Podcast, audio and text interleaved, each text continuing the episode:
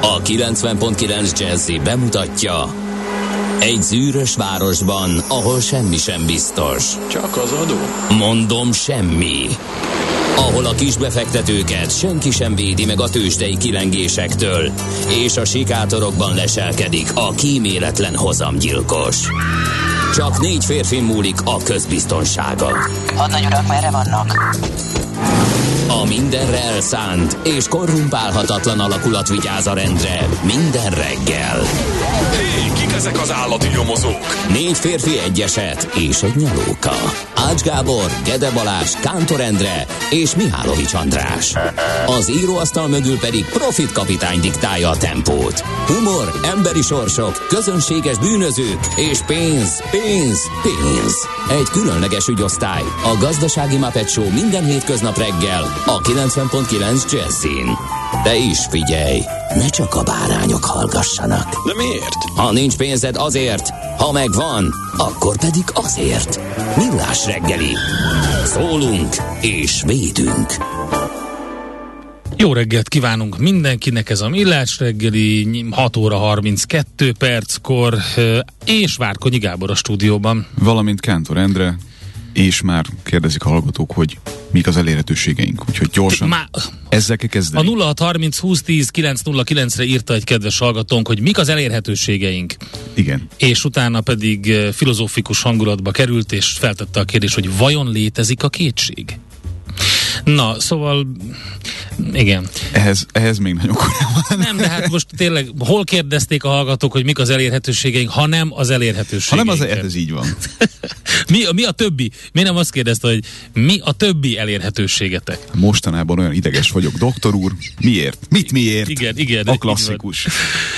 0630 tehát 2010 909, ez Viber, WhatsApp és SMS infokukac millásreggeli.hu millásreggeli.hu ebből adódóan egy elérhető domén, ahol egy csomó minden van, és van nekünk még messengerünk is, ahol lehet üzenni a Facebook oldalunkon keresztül akár. Amit csak Endre lát. Ne, ja, igen, azt nem csak én látom, de most csak én Most látom. csak te látod.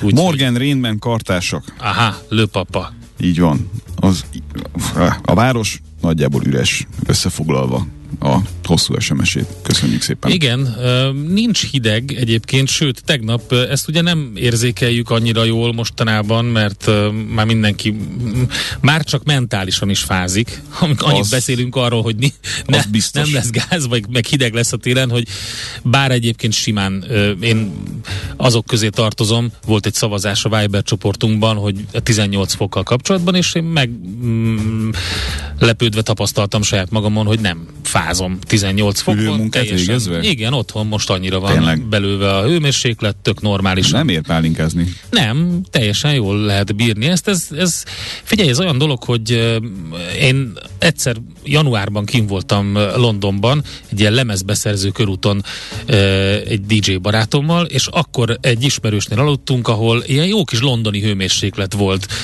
És én úgy éreztem, hogy hát ilyen, ilyenben nem lehet sem létezni, sem aludni, semmi, és, és? Lehetett, csak én nagyon fáztam. De, de mi később, volt a hőmérséklet? 14? Az, az tizen, nem, az 10, 17 fok volt egyébként. Abba a aludni nagyon jó lehet. A, de ők ott éltek, laktak, és stb. És én azt gondol, akkor most rájöttem, visszafele gondolkodtam ezen, hogy ez egy mentális folyamat. Tehát, hogyha eldöntöd, hogy nem fázol, akkor nem fogsz fázni.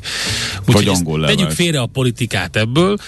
Azok az angol gyerekek, akik ilyen iskolás rövidnadrágba járnak még télen is, ők nem a svédeket, a, svédeket nem senki a 17 nem fokban, úgyhogy... A svédeket senki nem übereli, ez 2000 elején Meg volt. a dánokat. Azt nem tudom, mert ott nem voltam cserediek. hát ott van most ez a sokat emlegetett Barnholm sziget, ugye a, a, a Ahonnan az űrgedőrbevő vart emberek elindultak, bár, bárkit is kiszolgálva. A, ja, igen, igen, a, igen, a feltételezett robbantások, amiket beért, szeizmikusan bemértek, hogy ez most valószínűleg tényleg így volt, de még igazi nem tudjuk. feltételezés van eddig, de erős feltételezés. Szóval, ahol a vezetékszabotőrök, gázvezeték szabotőrök elindultak. Partra szálltak. Most hallgattam egy riportot reggel a Deutschland Funkban, ahol mondta a riporter, az is nagyon vicces volt, hogy a riporter úgy, úgy mutatta be a, a környéket, hogy Bornholm szigetét több, ilyenkor már elhagyják a turisták. Gondolom, ilyenkor Bornholm szigetét szeptember végén, de hogy most megszállták az újságírók, és így saját magát leírta egyébként a pacák, hogy tele van minden tévéstábokkal, rádióstábokkal, és magáról beszélt, csak olyan fura volt, hogy ilyen kicsit ilyen karikírozta ezt az egész jelenséget, miközben ő ugyanott volt. A Bornholm szigeteket. Igen, és, és hogy a helyi polgármester és a lakosok meg vannak döbbenve, hogy már megint megint célkeresztbe kerültek, a, mert ugye a gázvezeték miatt már volt vita korábban, ők nem akarták engedni, hogy ott építsék ki, hanem el kellett vinni pár kilométerrel arrébb, emiatt ez drágább volt, és a többi, és a többi. Ugye most megint, de hogy azon gondolkodtam, hogy tényleg, tehát azt a szigetet ilyenkor hagyják el a turisták. Tömegesen. A magyarok már augusztusban elhagyják Dalmáciát, és még akkor is elég uh, hidegnek érzékelik. Na. Szóval nem hagytad, hogy végigmondjam a svédet. Bocsánat, mondd a svédet. Amiből csak annyi az izgalmas, hogy a frissen mosott hajjal a mínusz 5 fokban gőzölgő fejjel várni a buszra, az számomra egy szürreális élmény volt. Na, tehát mentális dolog. De hogy, de hogy nem kap tüdőgyulladást? Hűva, huo menta, a svédeket és a dánokat is überelik a finnek, javaslom tanulmányozni a finnek és a hideg című összeállítást. Jó, köszönjük szépen András, ez például Messengeren érkezett. Úgy, hogy igazából nem, nem kapsz te akkor még tüdőgyulladást, mert az csak egy ideig gőzölög neki, kipárolog, és akkor utána felveszi a gyapjú sapkát. Na, um, Megjött ilyen. személy is, személyes trollom is. A, ő kicsoda? Aki azt gondolja, hogy én szeretem a kínaiakat. Ja, ja, ja, igen, igen. Öm, ne tagad. De, de én semmit sem. Mindent, mindent uh, aláírok, elismerek. Természetesen uh, virágelvtárs. És most jönnek akkor a születésnév naposok események. Mihály nap van, úgyhogy nagyon boldog Mihály napot kívánunk minden kedves Mihály hallgatóknak, a Gáboroknak is. Boldog névnapod a Gábor. Kérdezi a hallgató, hogy Born, Born hol? Szigetek? Vagy Igen. Born ott? Igen, így van.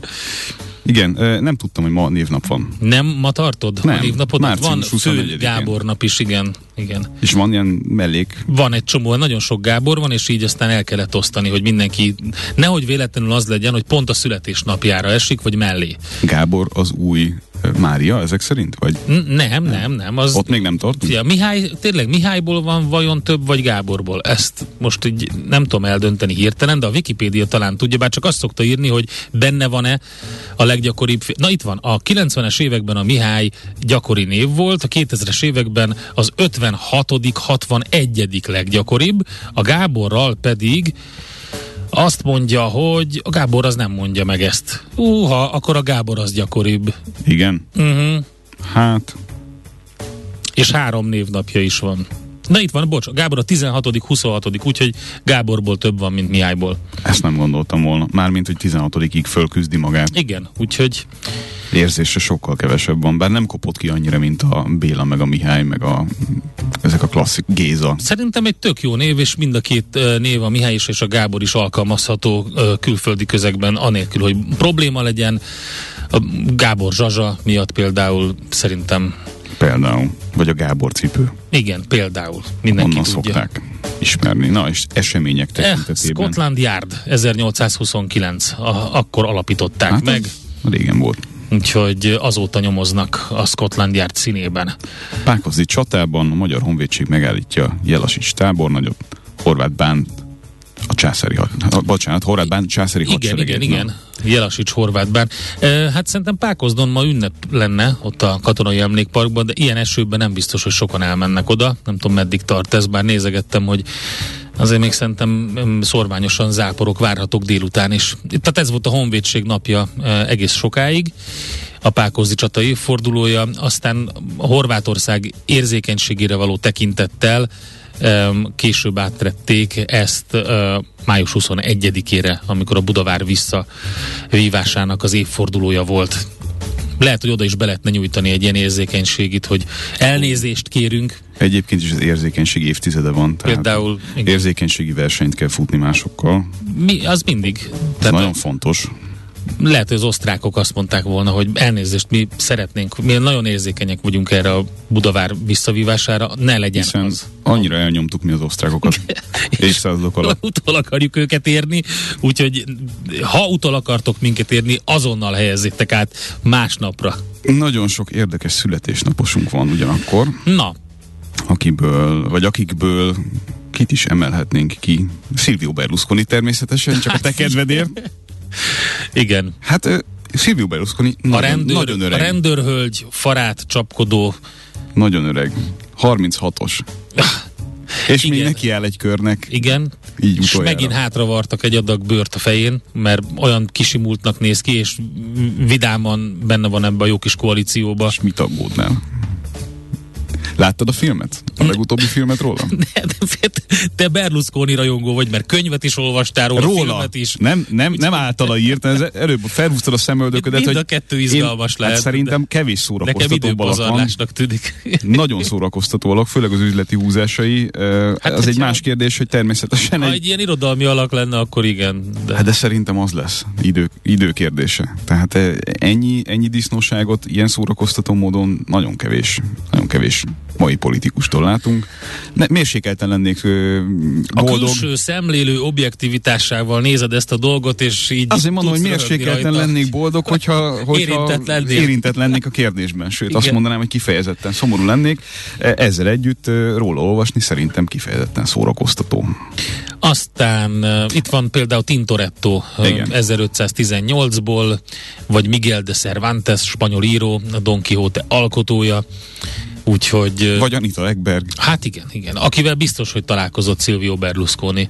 Megosztozott Szerintem. vele Agnelli úrral szerintem. Ugye? Ugye? Boldog pillanatokban stresszt levezetve el tudom képzelni. Az biztos, hogy az meg van írva, hogy Agnellivel voltak. Mhm. Uh-huh. Agnellivel enyelektek. Lech Walesa, lengyel elektroműszerész, politikus, államfő, Nobel békedíjas, 43-as születésű. És Szabó Simon magyar színművész, akkor emlékezzünk, vagy üdvözöljük őt is születésnapján. Ő 79-es 79-es, így van, nem járt nálam. Boldog születésnapot. Egy szép Neki. autóval boldogabban. Tényleg. Legközelebb Silvio Berlusconiról meséld el ugyanezt. légy Hát, szíves. na az, nem Az lenne a történet. arról azért készülne fotó. Az biztos. Na jó, akkor jöjjön egy első zeneszám itt a Millás reggeliben, aztán megnézzük, hogy mit írtak a lapok, majd beszámolunk arról is természetesen, hogy a tőzsdén mi történt, és az üzeneteket is elolvassuk. Köszönjük szépen, aki eddig írt annak. Ja, és nagyon boldog születésnapot kívánunk Éva nevű kedves hallgatónknak, úgyhogy nagyon-nagyon-nagyon sok boldogságot. Ezt a zenét a Millás reggeli saját zenei válogatásából játszottuk. Nézz is! Ne csak hallgass! millásreggeli.hu Na mit írnak a lapok? Te mit találtál érdekesnek? Csepeli munkásszálló kérdésére gondolsz? Nem, bármit, Amit így- ami, ami most Vagy ezt arrébb rakjuk még? Most Arrébb rakhatjuk, hát én azt, a figyelj, a portfólión van egy érdekes cikk, azt mindenképpen ajánlom azoknak, akik hidegrázást kapnak. Haha, shit, attól, hogy megjön a számla. Tehát nagy változás az MVM-nél, több nappal előbb kell fizetni a számlákat. Megérkeztek az első teljes havi emelt összegű gázszámlák a postaládákba, és a rezsicsökkentés korlátozása miatt sokaknak magasabb az összeg a korábban tapasztaltaknál. Na nem mond. És azt nem tudjuk, hogy ezt mi alapján számolják ki pontosan. Nem csak a csekken látható összeg változott, ez a legfontosabb, hanem a befizetés határideje. Tehát szeptemberben még 15-e volt a befizetés határideje, októberben már 7-ére módosult. A nyugdíjak viszont csak 12-én jönnek, úgyhogy van egy jó kis lauf. Nem igazán értem. A határidő módosításával kapcsolatban megkereste többek között az RTL híradó is a kormányt és az MVM-et is, ám érdekes módon a kérdésekre nem válaszoltak. Azért mondom, hogy érdekes módon az MVM az elérhetetlen. Ja, hát ez Nem lehet velük beszélni. egyáltalán nem lep meg. De az is nagyon furcsa, hogy több barátomtól hallom, meg látom a kiírásaikat, hogy nem tudnak egyébként szerződni. Ja, igen. igen. Tehát vállalkozókról beszélünk, ugye vendéglátósokról, vagy, vagy ö, olyan jellegű tevékenységet folytató ö, vállalkozókról, akik ö, energiaintenzív dolgokat csinálnak, és egyszerűen olyan ö, helyzetben vannak, hogy vagy eszméletlenül drága lesz, és Mhm. alá kell írni minimum két évre, vagy az eszméletlenül drága alatt egy icipicivel, és három évre, mondjuk. Igen, tehát, a, tehát És ezt, ez ez több, több ö, a hűségidőszakkal együtt. igen, csak olyan is van, hogy egyáltalán nem tudsz mit csinálni. Tehát az meg aztán különösen faramúci helyzet, hogy effektíven nem kapsz ajánlatot sem. Senkitől sem. A Telexen van egy érdekes hír, október végéig teljes kifizetési stoppot rendelt el a kormány, csak a béreket lehet fizetni. Ez egy úgynevezett 2000-es kormányhatározat, és arról szól, hogy a kormány alá tartozó szervek néhány tételtől eltekintve október 31-ig nem fizethetnek ki lényegében semmit, ami nem bérköltség. De azt is hozzáteszi a Telex, hogy megijedni nem érdemes, nem olyan rossz az állam likviditási helyzete, hogy pénzügyi okai lennének ennek a költekezés blokknak. Azt mondja a cikk, hogy a forrásaink szerint inkább arról van szó, hogy szeretne a kormányfő rendet vágni, mert úgy érzi, hogy a májusban elhatározott kormányzati kiadáscsökkentést elszabotálják.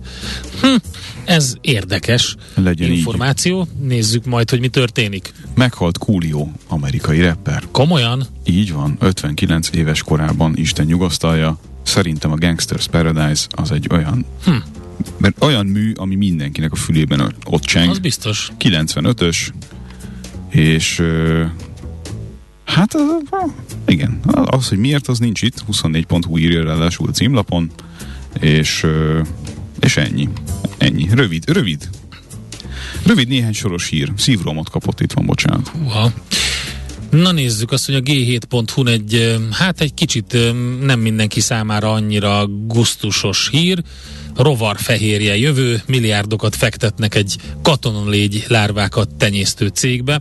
Az egyik legnagyobb japán kereskedelmi vállalatcsoport, a Sumitomo, az ING zöld befektetési alapja és egy ausztrál alap, a Mandala Capital 20 millió dollárt, tehát ö, 8,5 milliárd forintnak megfelelő összeget fektetett egy szingapúri székhelyű eh, 2015-ben alapított, ám azóta dinamikusan növekvő, mostanra már 150 főt alkalmazó cégbe, amelyik katonalégy lárvákból állít elő rohar, rovarfehérje takarmányt, és hát azt gondolják, hogy ennek van itt a jövője.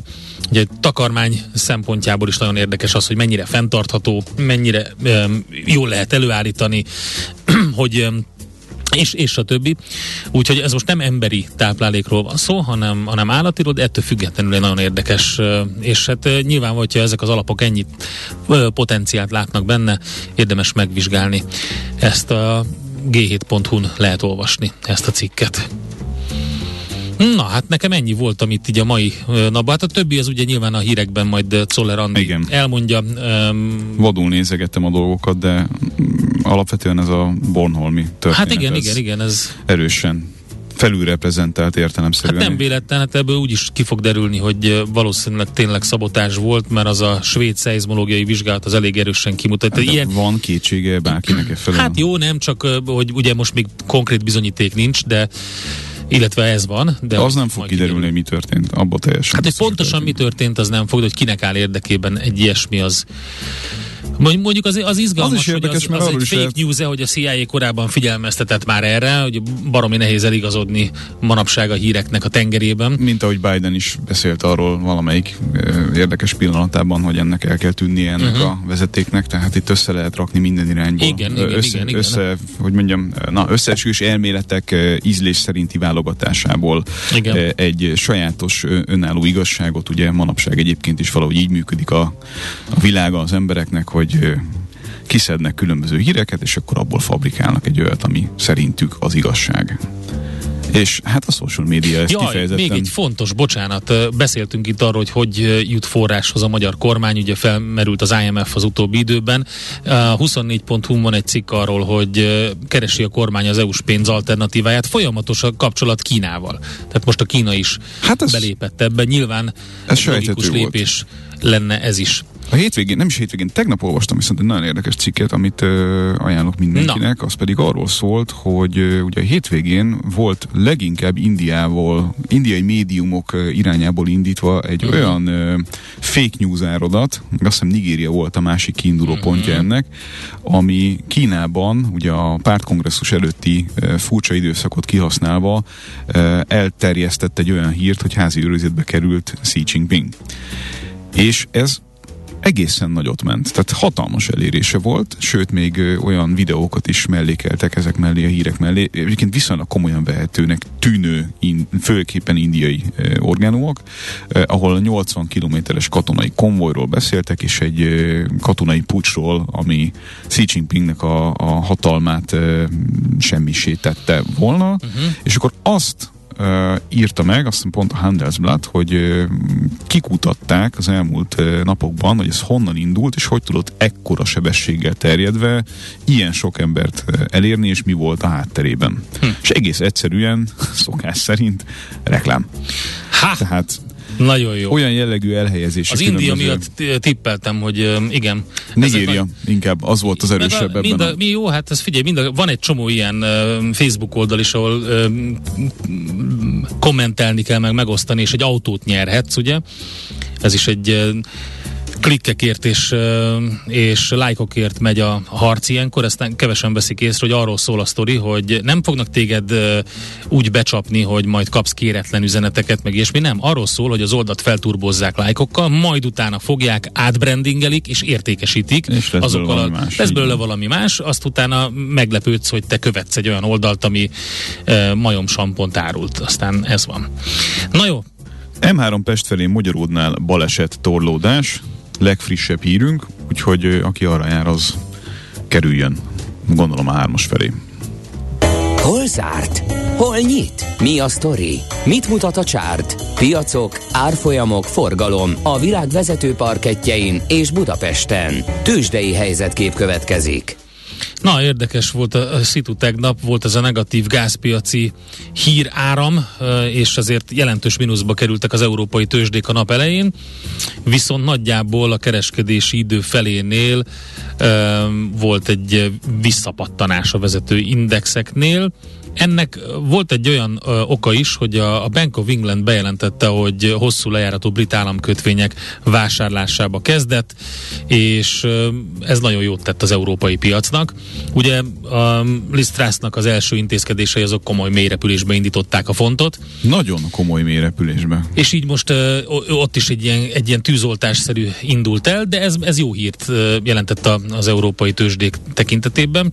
Úgyhogy Mit mondtak itt nektek egyébként a héten az ezzel foglalkozók? Tehát e, e, ilyen mértékű szakadást ennyire visszavezetni? Igen, ez... de közben ugye a dollár vezette a, a, a, a híreket az erősödésével, ahogy még mindig tart is ez, e, sajnálatos módon, de ezt majd elmondom a forintoknál.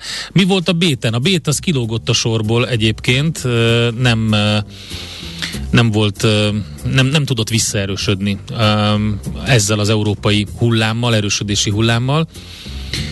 Én úgy láttam, hogy maradtak a jelentős mínuszok.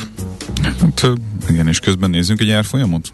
Hát a, a Bux az több mint 2%-os mínuszban fejezte be a kereskedést. A legnagyobb vesztesek között ott van a 4IG 4%-kal, a Richter majdnem 3-mal, a MOL 2%-kal, az OTP szintén 2%-kal, a Magyar Telekom 1,7%-kal, OTP is 2%-kal. Tehát igazából egy rossz hangulat uralkodott ö, Nem úgy Európában, ahogy mondtam, a DAX is erősödött 0,4%-kal, a FUCI majdnem 1%-kal, és a párizsi mutató is. Amerikában is egy egész jó kereskedési nap volt.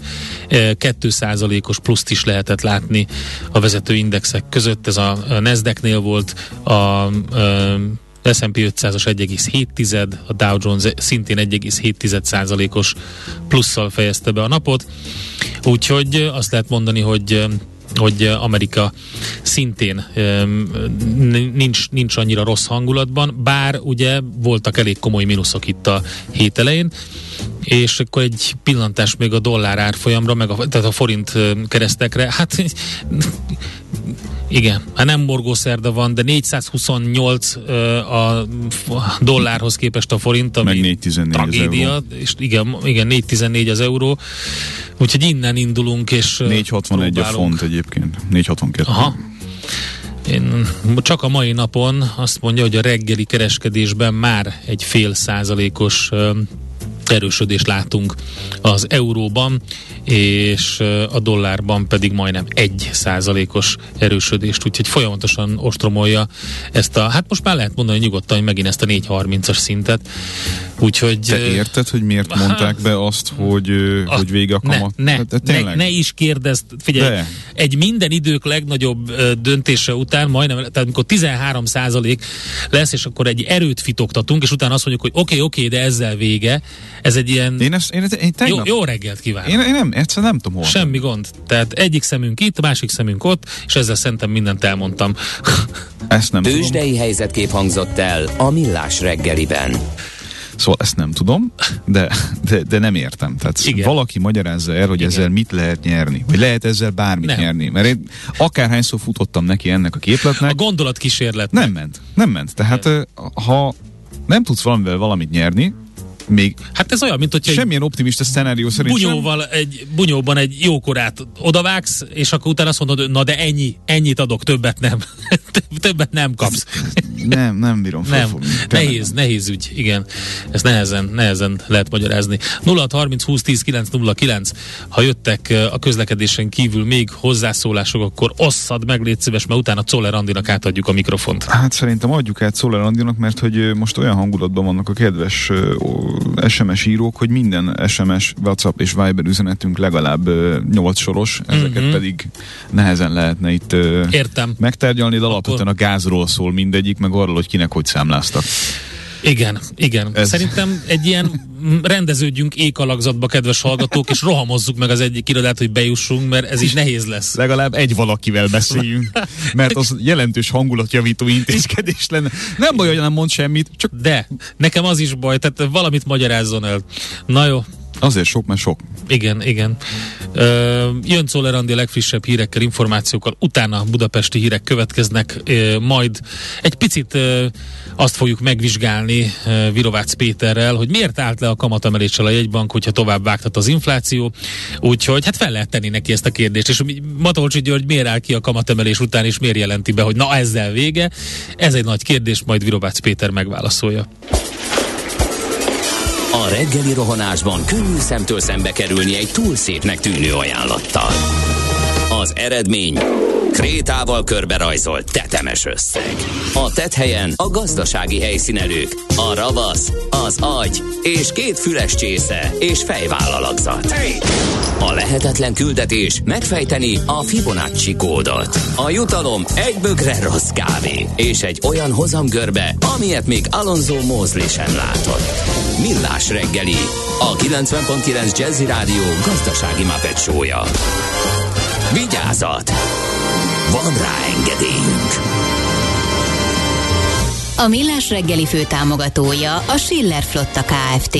Schiller Flotta and Rent a Car. A mobilitási megoldások szakértője a Schiller Autó tagja. Autók szeretettel. Jó reggelt kívánunk mindenkinek, ez a Millás reggel itt a 90.9 Jazzy Rádióban. 6 óra múlt, már 7 óra 17 perc van a stúdióban Várkonyi Gábor. És Kántor Endre 0 30 20 10 909 SMS, WhatsApp és Viber számunk, nehogy véletlenül valaki erre írjon nekünk, hogy nem tudja, hogy mik az elérhetőségeink. Így van, és jöttek információk a közlekedésről. Budapest legfrissebb közlekedési hírei, itt a 90.9 jazz Hát az M3-as autópályán Budapest fele vezető oldalon Magyaród térségében kettő személyautó ütközött, a 20-as kilométernél a sérült, sérült járművek már a leállósávon vannak, de a több kilométeres torlódás lassan szűnik meg. A 10-es főúton Pilis-Förösvár és Pilis Csaba között 7 gépjármű ütközött össze, a 23-as kilométernél lezárták a főútat, tehát 10-es főút Pilis-Vörösvár, Pilis Csaba között. Ezen kívül még a 23-as főúton van egy probléma, de ez Mátra terenye térségében árokba hajtott egy kamion, 16-os kilométernél útszűkület mellett helyszínelnek. Pünkösfürdő utcában a harmadik kerületben, a Magyar József utcánál van baleset, a 11-es főútra jobbra kanyarodó sávban, és a Dózsa György úton az Ajtósi Dürer sor előtt a Kerepesi út befelé e, ott van egy baleset, úgyhogy a belső sávban. Közben jött még egy SMS is, M2 Dunakeszitől már csak lépésben vagy úgyse. Budapest, Budapest, te csodás! Hírek, információk, érdekességek, események Budapestről és környékéről. Na, hát ö, több in, ö, fontos info van. Kezdjük a Csepeli munkásszínóval. Az biztos, nézzük azt, hogy ott mi történik.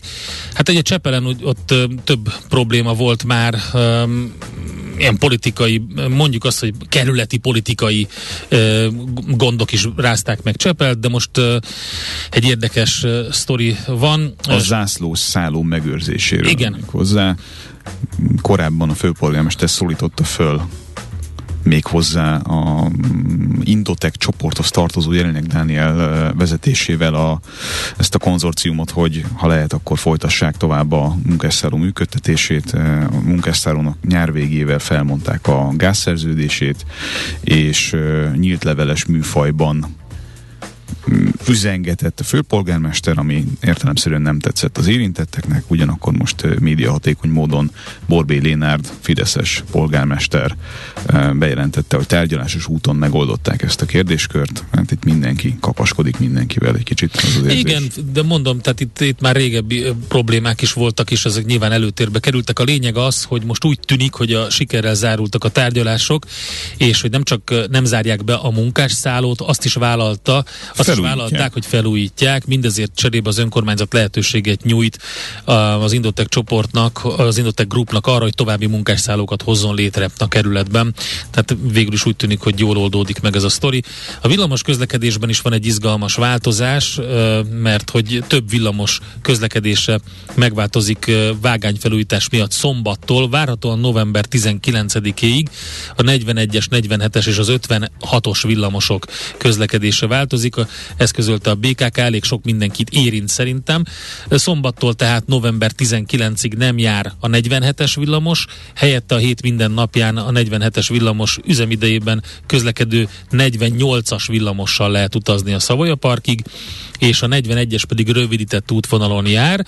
Érdemes tájékozódni erről. És szintén rövidített útvonalon az 56-os is, Hűvösvölgy és Budafok kocsiszín között, Ezek de gyakorlatilag mind, ritkábban. mind budai vonalak, ahogy nézem. Igen, így van. Kivétel nélkül. Így van, és mondom, elég sokan használják, ugyanakkor hétköznap csúcsidőben Hűvösvölgy és a Csóka utca között 56B jelzéssel is közlekedik egy villamos. Hát reméljük, hogy nem okoz akkora fennakadást ez a közlekedésben. A, a Budafok kocsiszín és a Városház tér között a 114-es, 213-as, 214-es eh, buszokkal is lehet utazni. Úgyhogy hát érdemes a BKK honlapján részletesen tájékozódni, aki sűrűn járt ezeken az útvonalakon. Biztos, hogy meg kell változtatni a napi rutinját. Úgyhogy köszönjük szépen ezt is. Közlekedési infókat is várunk még, tehát, illetve jön most az a beszélgetés mindjárt a zene után Virovácz Péterrel, az ING bank vezető elemzőjével, amiben arra keressük a, választ, hogy miért állt le a kamatemeléssel a jegybank, hogyha tovább vágtat az infláció. Lényegében ez a nagy feladata ugye a jegybanknak, hogy ezt kordában tartsa. Ráadásul ez az érdekes bejelentés is megérkezett a jegybank elnökétől, hogy pont az óriási ö, emelés után, hogy akkor ezzel vége.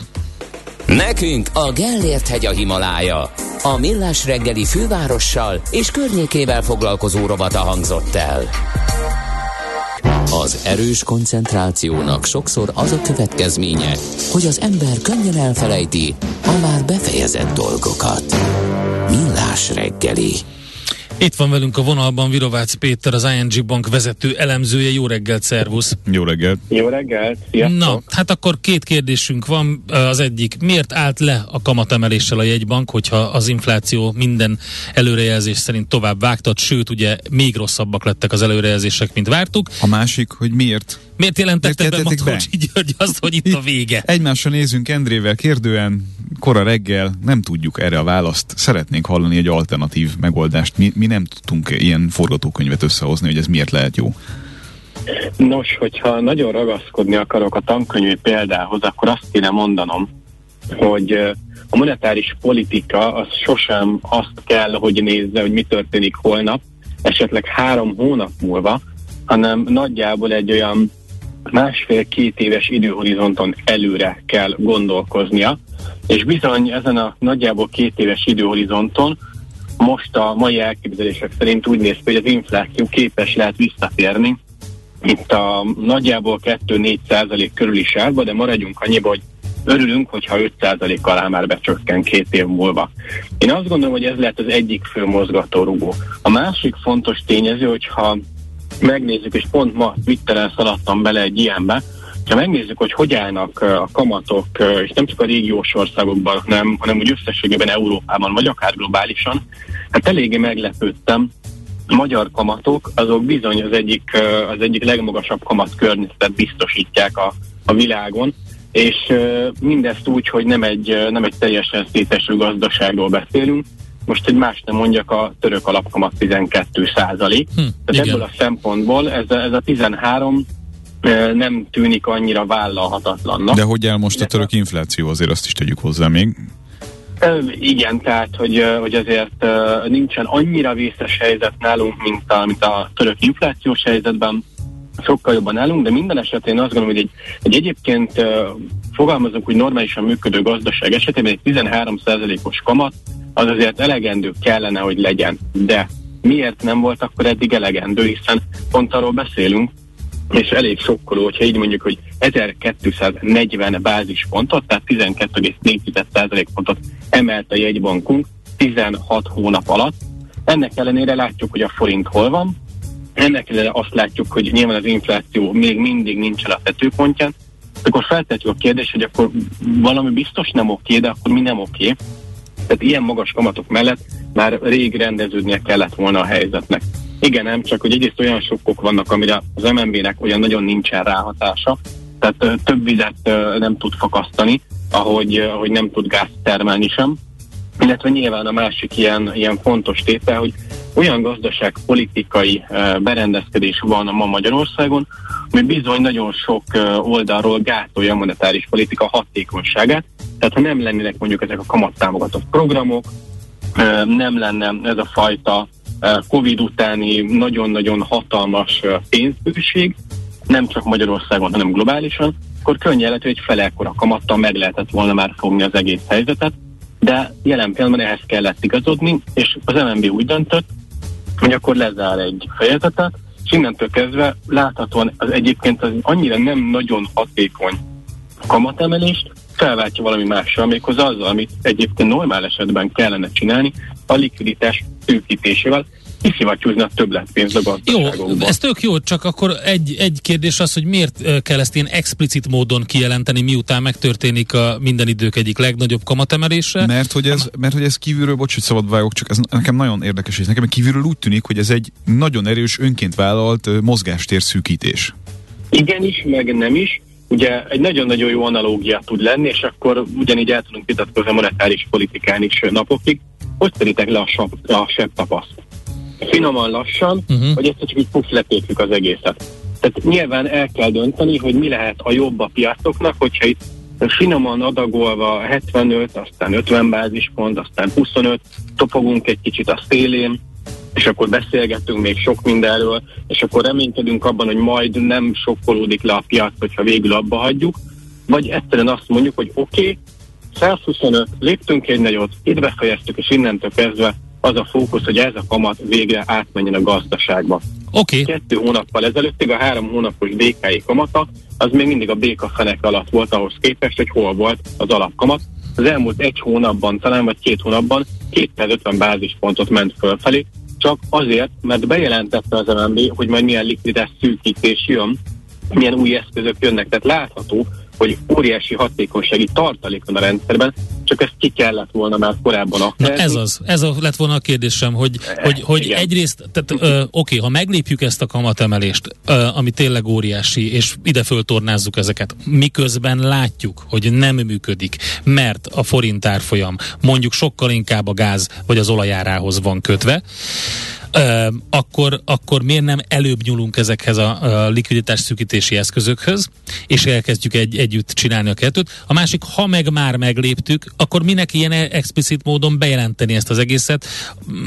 Korábban is már utaltak rá, hogy vége lesz, nem volt elég az az utalás. Most ki kellett állni, és, és, és konkrétan elmondani, tehát kicsit elvette az élét annak is, amit, amit, amit megléptek rögtön aznap. Na az a baj, hogy nagyon nehéz igazságot tenni. Nyilván lehetett volna ezt a részét hamarabb kezdeni, ez egy gazdaságpolitikai értékválasztás kérdés, ezen azonom kár vitatkozni. Uh-huh. Viszont az, hogy hogy így kommunikál a jegybank, meg, meg így csinálta a dolgokat, ahogy nem, nem egy légüres térben mozognak. Sajnos van egy, van egy olyan piaci környezet, ahol a befektetők azt szokták meg, hogy a nagy jegybankok, jelesül például a Fed, a, a Bank of Canada, a Bank of England, tehát mindenki alsó hangon 50-75 bázispontokat emelget, ez már a standard. Innentől kezdve egy feltörökő piaci jegybank, hogyha, hogyha nem megy gyakorlatilag ezzel a flóval, akkor nyilván a befektetők elkezdenek remegő újjal a szell gomb felé nyúlkálni. Most nyilván ehhez, ehhez muszáj valahogy kommunikálni, ezt muszáj eladni, mert hogyha egyszerűen egy bank azt mondja, hogy jó, én befejeztem, aztán majd nézzétek meg, hogy mi történik, és higgyétek el, hogy jó lesz, e, erre a piac óriási mértékben beszakadna. Uh-huh. Nyilván most is lehet, hogy a forint elkezdett gyengülni, de én azt gondoltam, megmondom őszintén, hogy egy ilyen bejelentés után azon nyomban 420-ig elmegy az euró-forint árfolyam, nem azonnal mentünk el, szépen egerészünk fölfelé. Nyilván itt meg kell várni a piacnak azt, hogy hogy valóban lássák, hogy működik ez a fajta, ez a fajta megoldás, működik az, hogy, hogy ki kell szivattyúzni ezt a többlet likviditást a rendszerből, és majd akkor sokkal hatékonyabban átmegy ez a magas kamatkörnyezet, látni fogjuk a hitelkamatokban, a betéti kamatokban, Péter, milyen távlatban, kamatokban. milyen távlatban mondhatjuk majd azt, hogy ez sikeres vagy nem sikeres beavatkozás volt? Ezt látjuk majd két hónap múlva, vagy fél év múlva, vagy, vagy mikor lehet azt mondani visszatekintve, hogy akkor ez mégsem, eh, mégsem volt egy buta gondolat? Én azt gondolom, hogy legalább egy ilyen egy-két évet érdemes várnunk vele. Egy-két év kell ahhoz, hogy kitisztuljon a, a kép. Azért, mert jelenleg igazándiból nem nagyon tudjuk szétszálazni, hogy mi az az inflációban, ami kínálati sok, mi az, ami már másodkörös hatás, mi az, ami, hogy más nem mondjak, egy nagyon e, sokáig vélhetően velünk maradó strukturális inflációs nyomás, ugye itt a klímaváltozás kapcsán nagyon sok energetikai beruházást kell végrehajtani, ha nem lett volna a háború, akkor is ennek is mindig inflációt gerjesztő hatása van, demográfiai problémákról nem is beszélve, és, és nyilván mint a Covid alatt is bebizonyosodott, hogy azért valamit kellene kezdeni ezzel a globalizációs történettel, mert a porszem kerül a gépezetbe, az gondot jelent. Ez is mind pénz, ez is mind költségnövelő tényező. Tehát vannak olyan inflációs hatások, amik tartósan velünk maradhatnak, de ezt szerintem egy-két éven belül nem fogjuk tudni szétszálazni. Ennyi mindenképpen kell, hogy lássuk, hogy alapvetően abban a helyzetben, amiben most vagyunk, jól reagáltak a jegybankok, és nem csak az MNB, nem M-blokk a Fed, vagy éppen az Európai Központi Bank. Nyilván most azon, azon uh, fúj mindenki az LKB, hogy nagyon későn kezdték el a kamatemelést, akkor most hogy lesz ez így? Ráadásul kicsit olyan határozatlannak tűnik. Igen, két év lehet, hogy végül nekik lesz igazuk, és a Fed túlhúzott kamat mellett gyakorlatilag beleáll a, beleállítja a földbe az amerikai gazdaságot, és a gázválság után Európa pedig vígan éli életét. Nem tudjuk, lehet, hogy ez lesz belőle, ezt tényleg egy-két év múlva fogjuk tudni, vélhetően meglátni, hogy mi az, ami, ami végül is egy nagyon elhibázott politika volt, és mi az, ami végül is jól sikerült.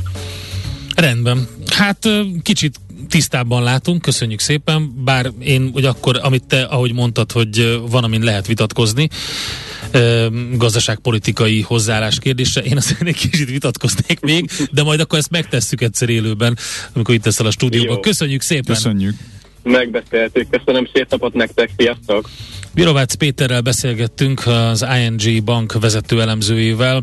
Ugye az infláció tetőzése egyre távolabb tolódik, a Magyar Nemzeti Bank mégis meglepetést okozva leáll a további kamattemelésekkel, illetve hát utaltak már erre, a bejelentés viszont kicsit hirtelen volt, úgyhogy ezt próbáltuk megfejteni. Jön Czoller Andi a legfrissebb hírekkel, információkkal, aztán pedig arról fogunk majd beszélgetni Tunkli Danival, az Akkord alapkezelő ZRT befektetés igazgatójával, hogy befektetői szemmel mit lehet ebből az orosz helyzetből milyen következtetéseket levonni.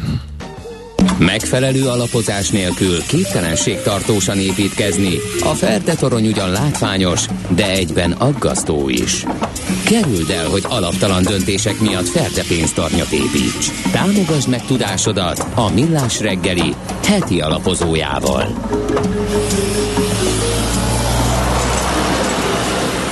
A valóban Tunkli Dani az Akkord alapkezelő ZRT befektetési igazgatója. Szervusz, jó reggelt kívánunk! Jó reggelt! Sziasztok, köszöntöm a hallgatókat. Na, hát nézzük meg befektetői szemmel, mit lehet kihozni ebből az orosz helyzetből. Hát én azt mondanám, hogy ez a klasszikus távol maradunk tőle, az a biztos, csak az a baj, hogy minden ré, részét, szegmensét érinti a piacnak. Igen, szerintem ez a nyugaton a helyzet kicsit eszkalálódik, most egy kicsit inkább keleten. Az látható, hogy az elmúlt hetekben nagyon számos, számos olyan hír jött, ami inkább a helyzet fokozódását, eszkalálódását mutatja. Hát gyakorlatilag csak olyan hír jött. Igen, de hatalmas a zaj, tehát azt szerintem azt mindenféleképpen fontos kijelenteni és, és ebből a zajban ugyebár két meghatározó elem volt. Az egyik az az, ami tavasz óta újra az orosz kommunikációba előjött, hogy atom, taktikai atom, nukleáris fegyverek bevetésétől tehát ennek a lehetősége ott van az asztalon. Ez, ez nagyon érdekes volt, hogy nyár egyáltalán egyetlen egy vezetői kommunikációban se volt ez, és most visszajött. A másik ilyen meghatározó uh, mérföldkő meg az orosz sorozás volt, ami után hát rengeteg uh, olyan életkorú uh, fiatal hagyta el az országot, illetve hagyja el most is, aki, akire ez vonatkozhat. Tehát, hogy ez, ez, ezek nagyon, nagyon érdekes hírek voltak, és nagyon uh, befolyásolták a piac hangulatát most. És lehet innen nézve ott pénzt keresni? Tehát, hogyha most nagyon egyszerűen fogalmazzuk meg a dolgot, kicsit olyan a hangulat itt erre felé, hogy lényegében minden így vagy úgy, de szakad, vagy legalábbis stagnál, vagy legalábbis nehezen kiszámítható, és kicsit olyan, mint amikor a 90-es években az ígéret földje volt a nagyon bátor üzletembereknek. Oroszország lehet-e ott most pénzt keresni, vagy ahhoz tényleg kötélidegek kellenek, és egyébként sem átjárható az a rendszer jelenleg? Hogy kell ezt elképzelni?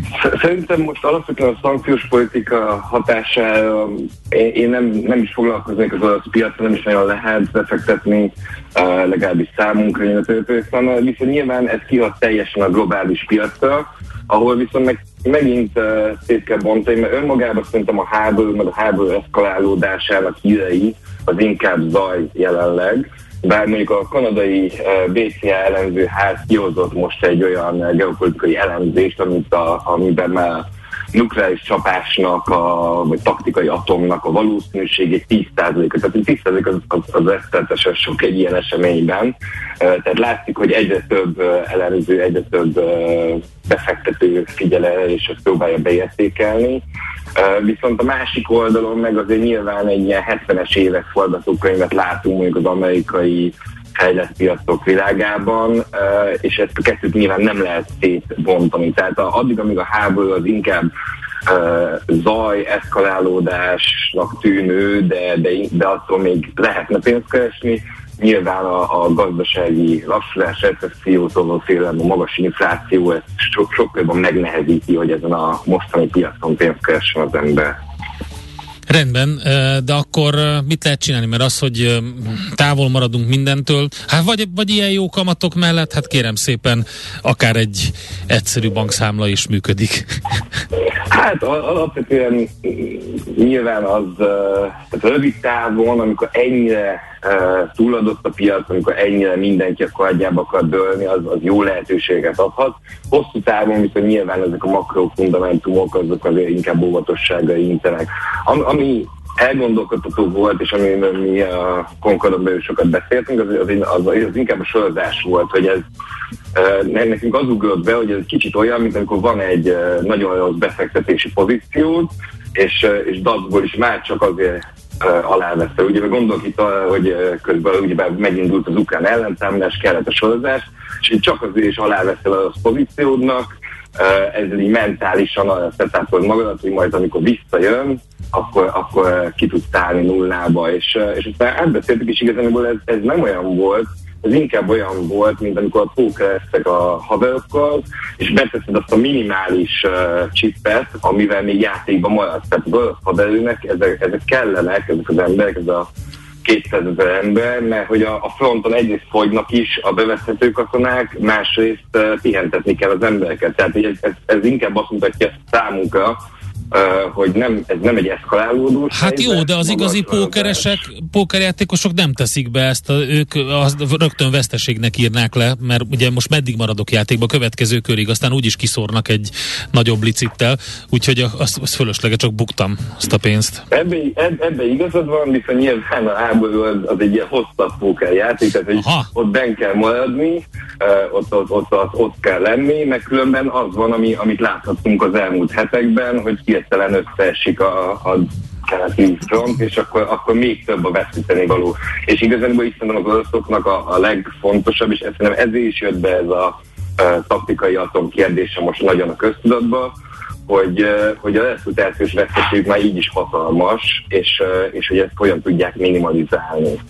Úgyhogy ez, ez, ez egy nagyon érdekes kérdés, és nagyon érdekes kérdés, hogy ez a vezetői kommunikációban továbbra is megmarad, hogy megint lesz egy olyan időszak, mint a nyársán, hogy ez teljesen kiveszik, mert az, az meg tudja nyugtatni a piacokat, és abból lehet egy átmeneti felpattanás esetleg. Mondjuk a kommunikációval egyébként sem különösebben igyekeznek legalábbis, ami az idevaló kommunikációt jelenti szerintem. Tehát egy kicsit amit csak haza próbálnának beszélni.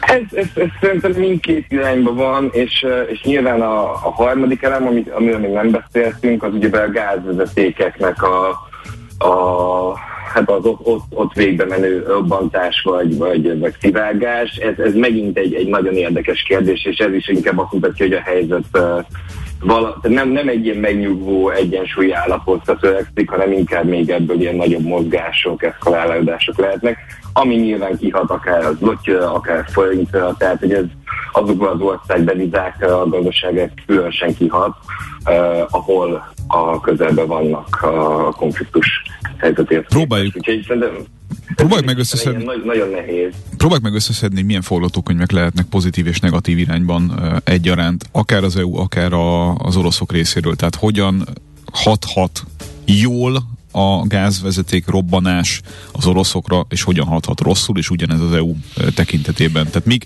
milyen szcenáriók vannak ez ügyben?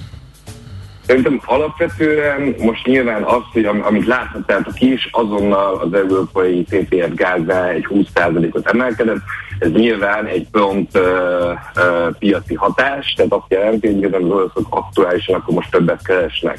Viszont azért ez, szerintem ez a vezetékek megrongálódása azt is jelenti, hogy itt nem lesz olyan gáz. Tehát ez, a, a német irányba ez, ez nem lesz nyilván ez egy nagy beruházás volt, az, az már teljesen de azt már tudtuk is, de hogy nincsen igazándiból a, mondjuk a németeknek egy olyan kihátrálási lehetősége ebből a konfliktusból, hogyha valamilyen béketárgyalás van, tűzszünet van, akkor egyből jöhet a gáz.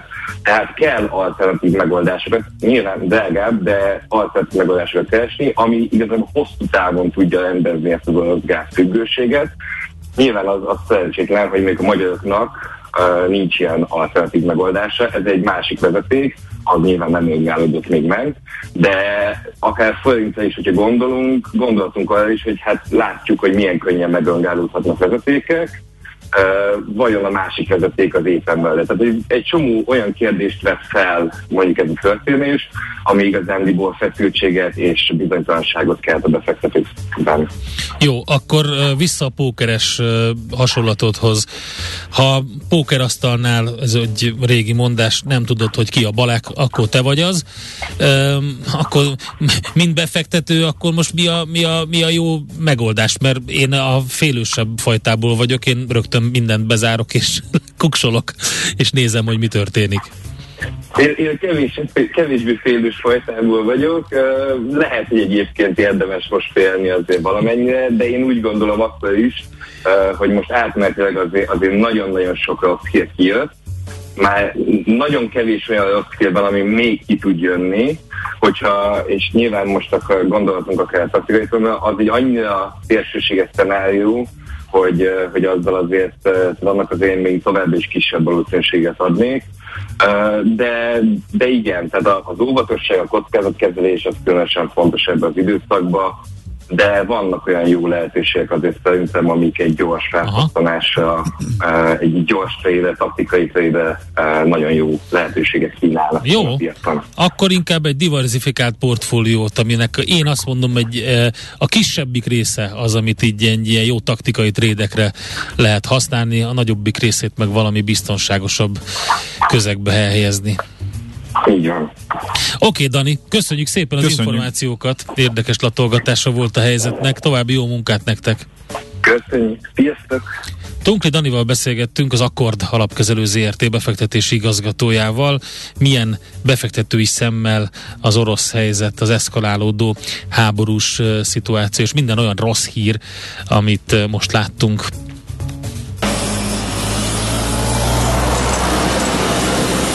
Heti alapozó rovatunk hangzott el a Millás reggeliben, hogy döntéseinket megfelelő alapokra tudjuk helyezni. Közben az euró-forint, illetve a dollár árfolyamra vessünk egy pillantást. 4.29.46 a dollár árfolyama ma reggel, 4.14.76 az euró, tehát további emelkedés tapasztalható, illetve gyengülés a forint részéről emelkedés mind a két másik devizában. A dollár az csak ma 1,3%-ot erősödött a forinthoz képest, úgyhogy nincs vége sajnos ennek a folyamatnak, bár volt egy kis megnyugvás um, az utóbbi időben, de sajnos ez látszik, hogy ez egy pillanatnyi volt, és és megint ostromolják a, a forintot, illetve hát erősödik a dollár feloldották az útszárat a tízesen. Na, hogy valami jó végre hír is legyen. valami jó hír, így van. E, és van még más jó hírünk is, azt mondja e, dr. Magyar Csaba, okleveles adószakértő, aki hamarosan interjú alanyunk lesz, hogy ő tudja, hogy hol bankoltunk tavaly nyáron. E, mert hogy nem csak a bankok, hanem a pénzforgalmi szolgáltatók is részt vesznek az adatcserében. E, 2024. január 1-től kötelesek lesznek a nemzetközi pénzforgalomról adatszolgáltatásról, hogy ez mivel jár, és hogy milyen részletei vannak ennek, majd ezt beszéljük meg vele a pénzügyekről kristály tisztán rovatunkban. Addig is tettem egy szavazást a Viber csoportunkon, megérkeztek ugye az első teljes havi emelt összegű gázszámlák a postaládákba. Hát sokaknál magasabb az összeg a korábban tapasztaltnál, de nem csak a csekkel látható összeg, hanem a befizetés határideje is változott. Tehát korábban kell tehát fizetni, de mit is? Kérdés, hogy kinek egyértelmű, mi van a számlán. Meg, megkérdeztem, hogy neked egyértelmű? Igen, 27 százalék, nem 73 százalék.